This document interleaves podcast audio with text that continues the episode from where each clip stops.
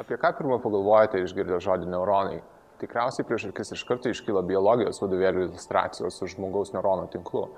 Aš Gidiminas Pikšys kalbėsiu ne apie biologinius, bet apie kompiuterinius dirbtinio intelekto neuronus. Kai įsijungate žemėlapių programėlę su tavo išmaniuosiuose ir suvedate kelionės tikslą, juk neskaičiuojate greičiausią maršrutą, tikriausiai net nepagalvojate, kad tai už jūs padaro dirbtinis intelektas. Pačiai dirbtinio intelekto sričiai yra apie 60 metų. Viskas prasidėjo su kompiuterių pradžia ir skaičiavimo pajėgumo atsiradimu. Mokslinis iššūkis buvo sugalvoti, kaip padaryti, kad kompiuteris pats sugebėtų sugalvoti tas taisyklės, kaip sukurti ir užprogramuoti taisyklių pažinimo procesą. Ėmė rastis algoritmai ir programos gebančios tai padaryti. Taip prasidėjo mašininio mokymosi era. Buvo suprasta, kad atsakymų gali būti nebūtinai tik taip arba ne, vienetas arba nulis, bet ir tarpinė reikšmė, labiau taip nei ne. O tai yra daug arčiau dirbtinių neuronų tinklų. Taigi, kas tie neuronų tinklai? Bet pirma, kas yra neuronas? Ne tas žmogaus kūne, o tas kompiuteryje.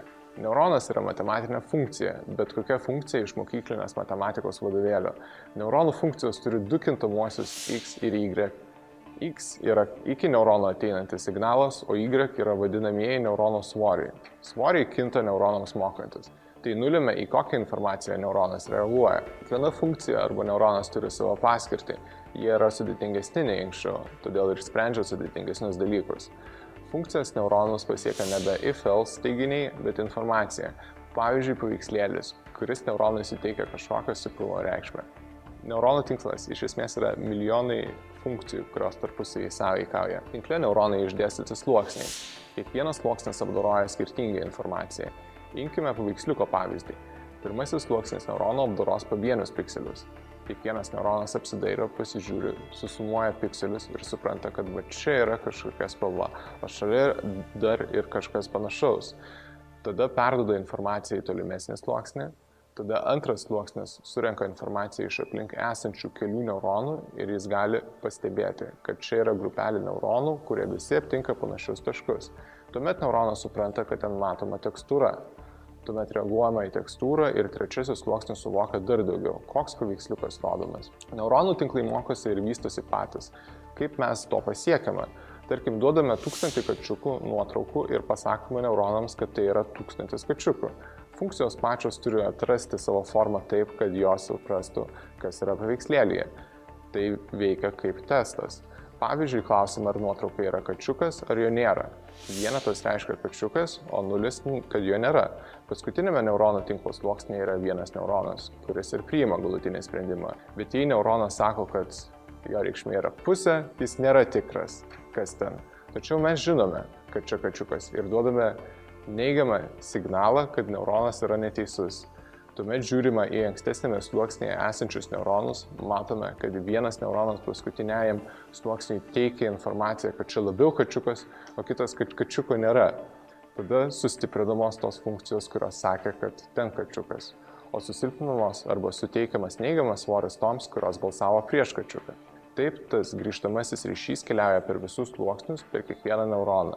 Mes pasakojame apie kačiukus, bet neuronų tinklai naudojami ne tik jiems atpažinti. Dabar neuronų tinklai naudojami ir kalbai. Tokiu atveju garsai kaip mažiausios dalys keliauja per sluoksnius ir taip atsiranda kelių raidžių, kelių žodžių kombinacijos, sakiniai. Taip iš dėlionės susideda tekstas. Geras pavyzdys garso pažinimui ir preteksto generavimui yra YouTube titrai, veikiantis 95 procentų tikslumu. Mes, Oxipit, dirbame su medicina ir rengeno nuotraukomis. Iš padarytos rengenogramos mūsų technologija gali aptikti 76 skirtingus patologinius pakeitimus - krūtinės, plaučių pakeitimus, širdies ir kraujagyslių problemas. Dirbtinio intelekto panaudojimas ryčių yra be galo daug ir ateityje jų tik daugės. Studijų laikais buvau konferencijoje apie dirbtinį intelektą. Savo srities ekspertai sakė, kad veidų apdorojimas yra ta sfera, kur žmonės yra tiesiog geresni už kompiuterius. Neįmanoma atkartoti to, kas vyksta smegenėse. Nieko nesitikėta iš šios ryties. Trys metai po to atsirado ir veidų atpažinimas, ir filtrai ant veidų. Todėl prognozuoti ateitį yra sunku. Žmonės lengviau susikalbės skirtingomis kalbomis. Nemažą dalį programinio kodo rašys patys kompiuteriai, žmonėms reiks tik kurti idėjas, įsivaizduoti galutinį tikslą. Bet svarbiausia - keisis paties dirbtinio intelekto samprata. Dabartiniai metodai ir algoritmai reikalauja didelio duomenų kiekio. Tam, kad kompiuteris išmoktų atpažinti Afrikoje stojančią žirafą, reikia tūkstančio žirafų nuotraukų, o žmogui užtenka kartą pamatyti. Tad laukiame, kas išspręs matematinį uždavinį, kaip iš pavienių nuotraukų išmokyti algoritmą atpažinti žirafą. Nebijoju, kad šiuo metu kažkur slapčia dirba matematikai, kaip iš naujo atrasti dirbtinį intelektą ir po 10-20 metų bus dar didesnis proveržis šioje srityje. Visos technologijos, su kuriomis dabar dirbame, atrodys atgyvenus. Aš esu Gediminas Pekšys ir tai buvo mano pamokslas apie dirbtinį intelektą. Įsijunkite pamokslo laidą ir kitą sykį išgirsite apie kitas Lietuvos inovacijas.